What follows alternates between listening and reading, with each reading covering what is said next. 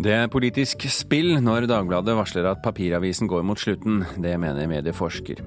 Nynorskkommunen Vinje, nynorskens høyborg, blir markedsført på bokmål. Det vil ordføreren ha en slutt på.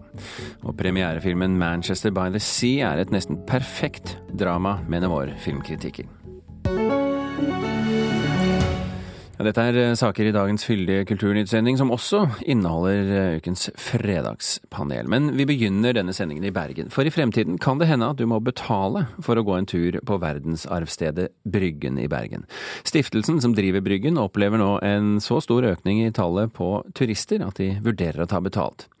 Bryggen har doblet besøket siden 2004, og Bernt Håvard Øyen i Stiftelsen Bryggen sier til Bergensavisen i dag at eh, nå må de snart ta grep dersom veksten fortsetter slik vi har sett nå de siste, siste årene, så er vi nødt til å vurdere adgangsbegrensende tiltak. Den eh, turistveksten som har, som har, vært, den kan ikke fortsette i all evighet. Vi er nødt til å, å, å gjøre grep for å, for å, unngå at det blir for mye slitasje, og at, at Bryggen som verdensarvsted forfaller pga.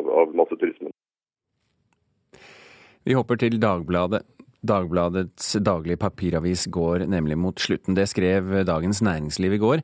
På et allmøte i den 148 år gamle avisen kom det frem at Dagbladet neppe fyller 150 år som papiravis. Men medieforsker Arne Krumsvik åpner også for at Dagbladets trussel om nedleggelse kan være en måte å markere seg politisk. Sånn som jeg ser det, så melder jeg seg på diskusjonen om hvem som skal få mediestøtte i framtida og det står klar med sugerøret. Det sier medieforsker Arne Krumsvik. Det er sjelden at man eh, går ut så tidlig og snakker høyt om eh, reduksjon i frekvens på papir.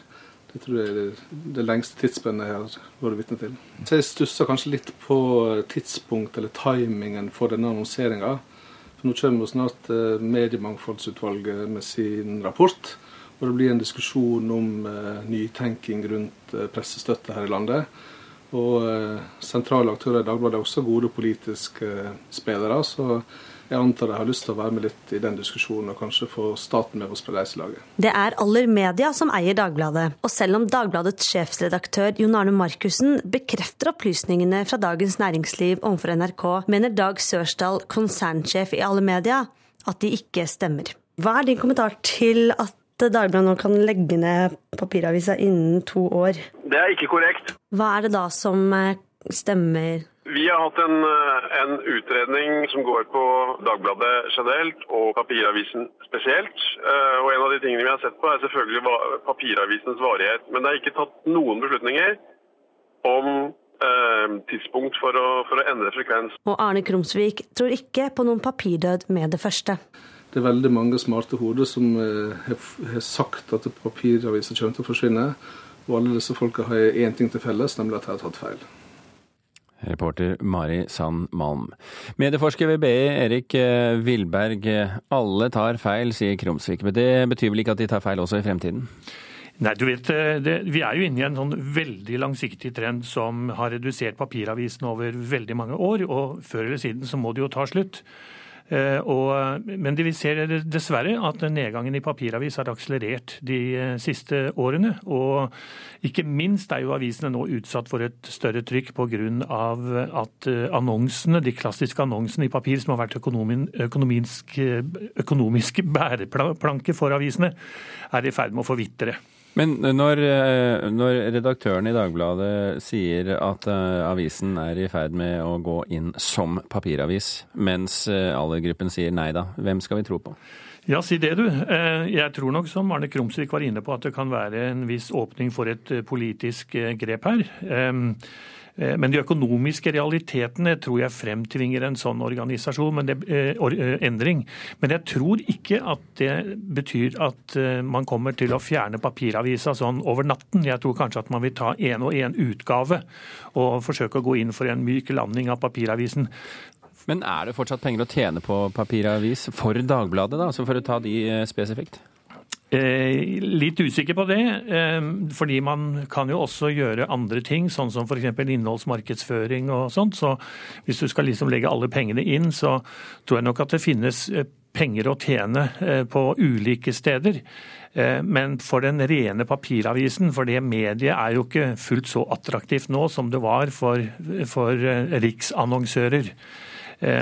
Når det gjelder lokalaviser, så er jo situasjonen en annen. Men hvis Dagbladet forsvinner som dagsavis, da kan det ha ringvirkninger for f.eks. lokalaviser? Ikke så mye for lokalaviser, tror jeg, men de har jo et distribusjonssamarbeid med VG.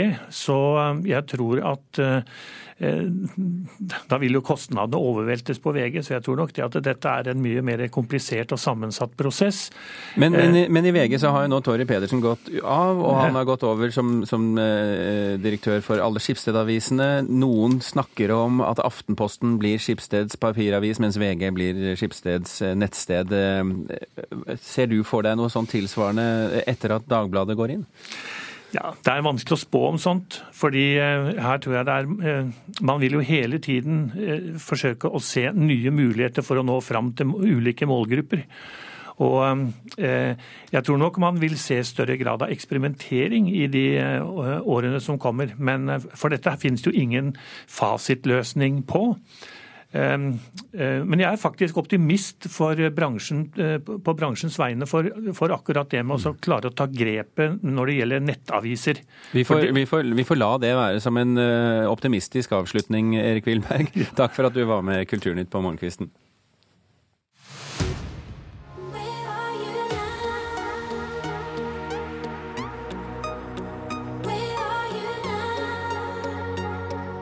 Det er jo litt rart at Alan Walker ikke er nominert eh, som årets nykommer. Jeg føler jo at han eh, står jo på en måte bak noe av det sjukeste som har skjedd i norsk musikk på veldig lenge. Ja, her hørte vi P3s Kristine Danke som snakket om Spellemann-nominasjonene som ble offentliggjort i går, og reagerte altså på at Alan Walker var forbigått. Eh, Oddvin Aune, reporter her i Kulturnytt, hvorfor ble Alan Walker forbigått, vet vi det? Eh, det har vi Det finnes det en forklaring på. Eh, I utgangspunktet så har jo Ellen Walker hatt en enorm suksess. og De fleste er nok enig i at låta 'Faded' Eh, at det er riktig at den ble nominert til årets låt på Spellemann, og det ble den jo også, da. Eh, men eh, både Kristin Danke og VGs Stein Østbø mener han burde vært nominert til årets nykommer, sammen med navn som Dagny og Astrid S. Men forklaringen på det er ganske enkel. Styreleder Marte Thorsby i Spellemann sier at Ellen Walker rett og slett ikke ga ut nok musikk i fjor til å bli vurdert, eh, verken som årets nykommer eller som årets produsent. For kravet er at du må ha gitt ut minst 20 minutter musikk. Og det hadde han ikke gjort på påmeldelsestidspunktet. Han hadde bare gitt ut to låter. Så da så er spørsmålet Praktiske forhold, altså. Ja. Det er ikke sikkert alle er enig i akkurat den tidsregelen, men sånn var det nå. Sånn var det nå. Ellers, da? Nei, det har jo vært litt bråk etter at uh, Høyre kom med et utspill uh, tidligere i uka om å innføre en norsk kulturkanon. Altså liste over de viktigste norske kunst- og kulturuttrykkene. Og siste ut som er kritisk, er Jan Kjærstad, som er, i Dagsavisen sier at for, forslaget har en ubehagelig bismak av nasjonalisme i seg. Og han mener det er nokså typisk at dette forslaget kommer på et tidspunkt der man begynner å bli redd for det fremmede her i landet. Eh, det skal jo også sies at Jan Kjærstad var med sjøl på å kåre en norsk litterær kanon i 2008, men problemet her er at den kåringen vil være i statlig regi. Tro det eller ei, Alvin, men dette skal vi altså diskutere i Fredagspanelet litt uh, senere i dag.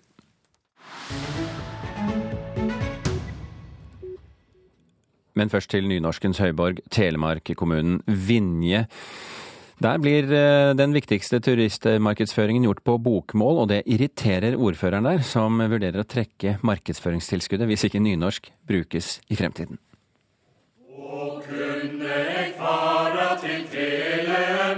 Velkommen til Rauland Turist. Rauland Turist får 1,5 millioner kroner av Ingen kommune for å drive markedsføring. Og ordfører Jon Rikard Kleven ville gjerne profilert kommunen på nynorsk. Vi er en sterk målkommune, og vi jobber for å etablere et Vinjesenter som skal eh, være en bærebjelke for nynorskbruk på Østlandet. Eh, vi vil at eh, barn og unge i Vinje skal være stolte av språkidentiteten sin og fortsette å være nynorskbrukere. Og da er det viktig at vi, vi står fram eh, på alle vis som en nynorsk kommune. Torben Andersen er turistsjef og leder for Rauland Turist. Det er ikke slik at vi ikke kan bruke nynorsk, men vi er jo her for å skaffe gjester til Vinje og Rauland og Haukeli. Og våre gjester er i hovedsak hytteeiere på Sørlandet og danske skiturister utenfor høysesong. Og disse, er spesielt hyttefolka våre, er veldig glad i dialekt og nynorsk når de er på butikken rundt og handler, når de er på stasjonen.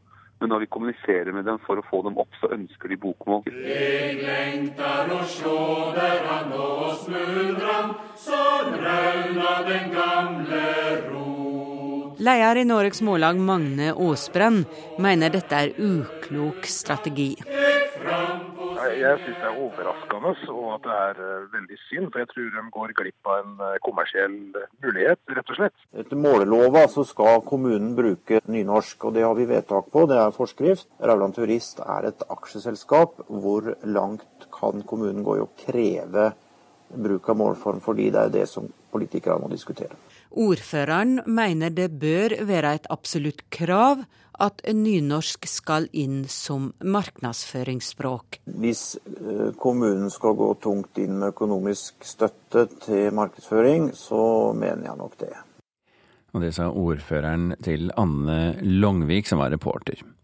I dag er det norgespremiere på filmen Manchester by the Sea, som er eh, nominert til fem Golden eh, Globe-priser og en het Oscar-kandidat til enda flere. Og vår filmkritiker Birger Bestmo sier at Casey Affleck, som eh, spiller hovedrollen, gjør det stort i det som er et nesten perfekt drama. I don't understand.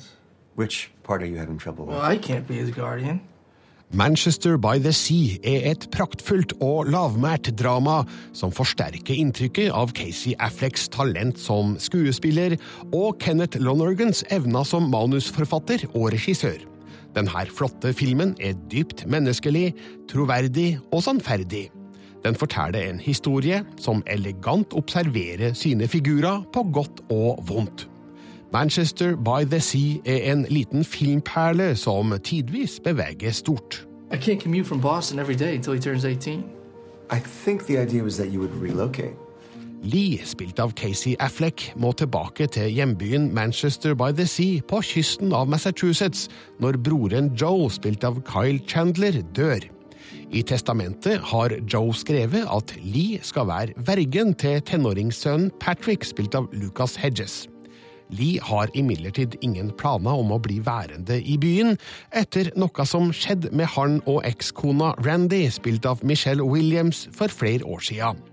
I tilbakeblikk får vi gradvis danna et bilde av hva som foregikk, og hvilke konsekvenser det fikk. I know you've been around, and I, just, I thought just been getting Patrick settled in. it seems like he's doing pretty good, huh? Considering. Manchester by the Sea starter med en idyllisk scene fra en fiskebåt, før en brå overgang til Lees grå tilværelse som vaktmester i Boston gir en sterk indikasjon på at noe har skjedd i mellomtida. Kenneth Lonergans manus legger et lokk på akkurat hva, noe som pirrer nysgjerrigheten. Beherska spill gir figurene flere lag som gradvis skrelles av. Møtet med slekt og venner i hjembyen byr på stille dramatikk, med noen eksplosive unntak.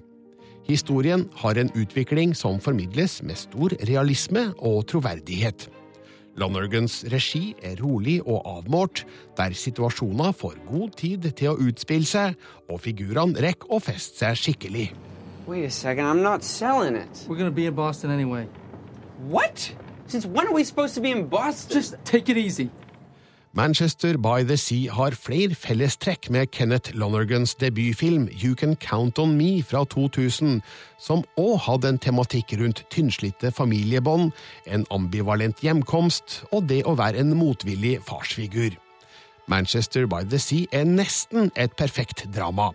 Kun noen logistiske problemer rundt et dramatisk høydepunkt trekker ned, samt at Lucas Hedges har noen små problemer med å takle de mest emosjonelle scenene på en tilstrekkelig troverdig måte. Det hindrer likevel ikke Manchester by the Sea fra å være et velspilt og solid regissert drama av imponerende høy kvalitet. We're not gonna be here that much longer. I'm not moving to Boston, Uncle Lee. Manchester by the Sea ble anmeldt av Birger Vestmo. Klokken er snart 18 minutter over åtte. Du hører på Kulturnytt, og dette er toppsakene i Nyhetsmorgen nå. Tilliten til politiet er mindre enn før, og lavere på Vestlandet enn i resten av landet. Bare én familie med asylavslag har søkt om ekstra pengestøtte for å returnere til hjemlandet, opplyser UDI. Og utenlandske trossamfunn bør ikke få statsstøtte, det mener Senterpartiet. Så er vi kommet frem til eh, dagens fredagspanel, og med oss fra vårt studio i Stavanger, Solveig Grødem Sandelsson, kulturredaktør i Stavanger Aftenblad, Bente Eriksen, teaterinstruktør, og Audun Molde, førstelektor ved Westerdals Oslo Act og BI. Velkommen alle tre.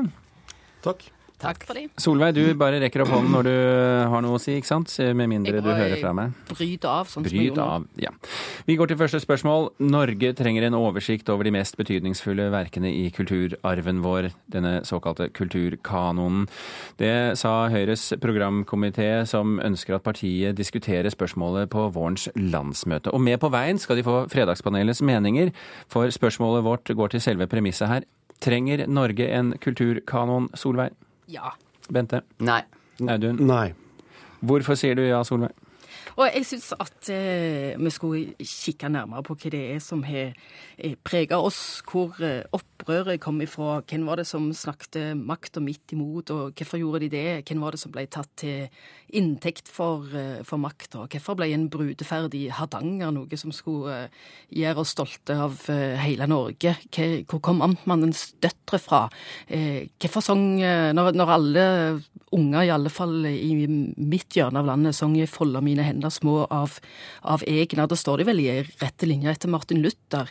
Eh, vi forholder oss jo ofte til, til kunst og, og, kultur som kos og hygge og avbrekk. Eh, jeg syns det hadde vært interessant med en, eh, en diskusjon om hva det er som har prega oss, og hvorfor gjorde det? Og hvem brukte det til hva? Men er det diskusjonen du vil ha, eller er det kanonen du vil ha? Mest opptatt av eh, diskusjonen, men jeg tror at å diskutere rundt eh, konkrete verk gjør at det kommer mye mer ut av den diskusjonen. Det er vel noe i eh, Bente Eriksen? Diskusjonen er kjempefint, men altså kulturen er og har vært i stadig utvikling, og det er påvirkning utenifra, og jeg syns det blir overflatisk, og jeg syns det blir å sementere og skulle finne liksom Norges tid på topp i litteratur eller billedkunst. Eh, er det en statlig oppgave?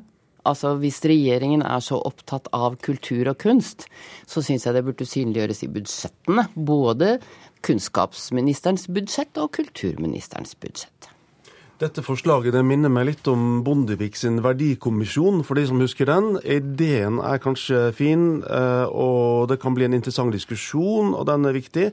Men resultatene er ikke så veldig interessante. At det skal komme en sånn statlig, offisiell kulturkanon som forteller på en måte ovenfra hva som er de beste dataspillene og nettstedene og bloggene og teaterstykkene, det har jeg prinsipielt også veldig liten tro på. Men, Staten men, men, bør jobbe med å tilrettelegge for kulturens utvikling framover. Altså Den kanonen bakover har vi jo likevel. Vi har jo massevis av kåringer av de beste bøkene og de beste platene og den beste kulturen. Vi har allerede disse kanonene. Men hvis du sier at det er en statlig oppgave, det sa vel du også, Bente Eriksen, eh, i den forstand at det er noen politikere som skal sitte og bestemme kulturkanonen, så misforstår misforstår dere vel litt med glede, gjør dere ikke det?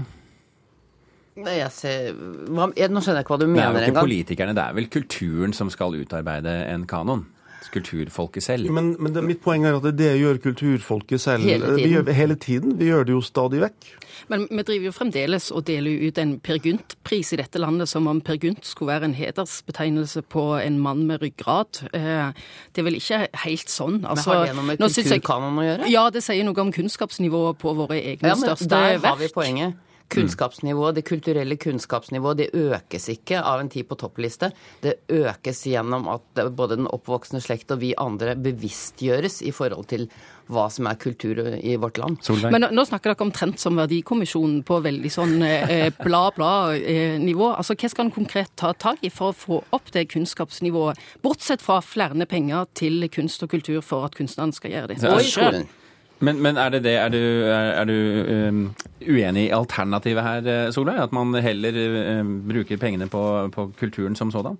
Nei, selvfølgelig ikke. Altså, det, det, er jo ikke en Og jeg kan ikke heller Jeg syns det er en litt sånn kunstig motsetning, kanskje. Hvis vi får en kulturkanon, så kommer de unna med å ikke bruke penger på kultur, eller å bare Altså, denne regjeringen har jo ikke akkurat prioritert kulturministerposten eller Kulturdepartementet som sådan. Det har de ingen grunn til å slippe unna med. Til Audun Molde. Men hva skulle en sånn kanon egentlig brukes til i praksis? Altså Hvis du går inn på Spotify og hører på Knutsen og Ludvigsen, og så får du opp en sånn banner 'Dette er offisielt kulturkanonisert norsk musikk', jeg tror ikke det vil fungere så veldig godt. Nei, jeg syns ikke det var et godt forslag. Det hadde vært en god idé. Jeg, vi, la oss si at det er vårt bidrag til, eh, til spørsmålet om kulturkanon, et banner på strømmetjenestene. Og når vi nå en gang snakker om strømmetjenester, det var jo en fabelaktig overgang, Audun Molde, for neste spørsmål handler nemlig om det. Folk trenger ikke laste ned film og musikk ulovlig lenger, for nå har strømmetjenestene blitt så gode. Det slo både parti, eh, nei, Piratpartiet og IKT Norge fast her i Kulturnytt denne uken. Piratpartiet mener at det er de som bør få æren for at vi nå ser en ende på den ulovlige nedlastingen. Spørsmålet vårt er bør Piratpartiet få æren for det? Nei. Erik? Nei. Solveig? Nei. Nei. Men like fullt så tar de æren, og noe Men er det kjent at de gjør det, liksom? Ja, det er, vi, ja i den grad eh, du hører på Kulturnytt, så, så gjør, gjør, de det. Ja, men det, det, er hyggelig, det. Det er lov å være opportunist, og de tar sikkert æren for piraten Kaptein Sabeltann og who knows, altså. Men eh, det er jo litt seint ute, da. Eh, den 7. februar 2012 så sto det en artikkel i Dagens Næringsliv hvor det sto at piratkampen er avblåst. Og det var innen min bransje. Da var det altså musikkorganisasjonene som gikk ut og sa at nå har streamingtjenesten streamingtjenestene innenfor musikk blitt så gode at man har ikke bruk for pirater lenger. Det siste året så sto det ikke ett ord om piratvirksomhet i den offisielle årsrapporten til IFPI, altså eh, internasjonale musikkplatebransjen. Eh, det er helt andre ting man er opptatt av nå. Piratvirksomhet finnes der, men i Skandinavia så har vi kommet så langt at eh, det er på en måte ikke en, en, en diskusjon lenger. Mm. Og dette er det jo ikke Piratpartiet eller uh, noen som har ansvaret for. Det er jo det at man har kommet opp med gode tjenester som er forbrukervennlige. Men det har da ikke kommet uh, frivillig, det har vi jo Men hørt. det ville tvunget seg frem uansett Piratpartiet eller ikke? Det ville nok tvunget seg fram altså en massiv utvikling her, både teknologisk og ikke minst av det presset som en gang var der folk men, tok men, seg til rette. Men, men akkurat... hvis det ikke er platebransjen selv, Solveig, som har eh, fremmet denne saken først og fremst, hvem er det da? Det, vel, det, vil jeg for det første ikke ha sagt at de absolutt ikke er platebransjen sjøl. Og her var jeg interessert i å høre på Audun Molde, for han kan mye mer om dette enn hva jeg kan. Men jeg har vel eh, sjelden hørt Piratpartiet være den som som eh, står eh, fremst eh, i dette. Men det, det er klart at, at, alle de som, som, begynte å laste ned, eller som slutta å kjøpe eh, CD-plate, eh, førte jo til at den teknologiske utviklingen eh, nok ble forsert, eller at det var en sterkere behov for å gjøre noe med det enn det ellers ville ha vært. Disrupsjonen her starta jo med en kar som het Sean Parker som starta Napster i 1999. Der har du æren for alt som Og han er i dag styremedlem i Spotify og har vært med å drive Facebook i flere år. Så sirkelen er slutta, og han bør inn i en kulturkanon. ja, ok. Vi hopper til siste spørsmål. True crime-sjangeren, altså denne dokumentarjournalistikk som gransker ekte kriminalsaker. Det er ren underholdning og bør ikke bre om seg. Det sa forsvarsadvokat Benedikt de Vibe til oss denne uken. Spørsmålet vårt er er det et problem hvis folk oppfatter true crime som underholdning? Solveig? Nei. Audun? Nei. Bente? Nei. Nei. ja, da er ferdig. Takk for i dag. Nei da, dere slipper ikke Nei, men det er jo altså Det, det er jo Det er jo bra at mange flere av oss deltar og får innsyn i og kan reflektere og diskutere straffesaker og etterforskning og prinsipp her. Det, det, er, en, det er, kanskje litt høytidelig, men, men, det er jammen meg en slags demokratisering av et felt som har vært veldig lukka. Og så krever det selvfølgelig en masse etikk i ryggraden på de som lager dette. For det, ja, er, jo, det for det er jo den andre siden av mynten her, Bent Eriksen. Det er jo spørsmålet er true crime samfunnsnyttig? Ja, jeg syns jeg er helt enig med Solveig. Altså, Skjerpingspolitiet, sier jeg. Det gir oss en innsikt som vi ikke har hatt før. Ja, så blir den da, hva skal du si, dramatisert på et vis. Dette er en videreføring av kriminaljournalistikken eller av radiodokumentaren for den sakens skyld. Men, men jeg tenker at det skjer en hva skal vi si, sjangeroverskridende utvikling innenfor hele, eh, alle sektorer, kunstsektoren også. Og den er plattformnøytral i den forstand at vi finner stadig nye måter å fortelle historier på. Men det viktigste det er jo at allmennkunnskapen om straffesaker øker, og det syns jeg er veldig positivt. Er det? Mm. Eh, enig i det. Og det er jo en sjanger som setter veldig høye krav til de som lager det. Eh, vi som seere og lyttere må jo stole på at de har en høy etisk standard, for det mm. første, og at de har en høy faglig standard. At de er en, en bedre aktor og dommer enn rettsvesenet, for å si det på den måten. Eh, og, og, det trenger vi jo. Altså, vi trenger jo kvalitetsproduksjoner eh, innenfor dokumentar og journalistikk på det nivået. Så når det er godt lagd, så har det absolutt noe å tilføre. Nå har jo vi i NRK ute en podkast som heter Purk eller skurk, der vi eh, tar for oss uh, saken uh, mot, mot Eirik Jensen, denne politimannen. og da er spørsmålet Solveig Grødem Sandelsson. Er det, er det bra med underholdning i en sak som ikke ennå har nådd domstolen? Jeg, det har jeg, jeg har ikke akkurat uh, vært søvnløs og, og bekymra meg skrekkelig over det. Men det, altså, det at, uh, at, denne sjangeren er så tett på virkeligheten, det, det gjør jo òg at den, er, den, må leve på sin egen uh, troverdighet. Og det stilles veldig strenge etiske krav til de som lager den. Mm. Som òg vil bli avslørt av de som hører på, hvis de ikke følger det. Vi stoler på NRK. Jeg, jeg, brukte dette som et eksempel på at man lager saker om, eh, om eh, ting som ikke er sluttført i rettssalene. Det ja, et, det blir forhåndsprosedering og det tror jeg, jeg må, Kan vi ta det neste fredag? Kan vi tenke mer på det? Så du vil gjerne høre ferdig og begynne å se rettssaken først? Nei, jeg, jeg, tror jeg må tenke litt. Men dette er jo ikke noe nytt. Her er det jo skrevet en bok allerede. Denne saken har jo vært forhåndsprosedert av særlig aktørene i lang tid. Men det stiller jo utrolig sterke krav til NRK. Vi stoler på dere. Det må bli kulturkanonisert. Den skal bli kulturkanonisert, og det blir den helt sikkert hvis den er så god som folk sier. Uh, uansett, Fredagspanelet er over Bente Eriksen, Audun Molde og Solveig Grødem Sandelsson. Takk for at dere var med. Lisa Ståke, Birger Kåss Råsund takker for følget.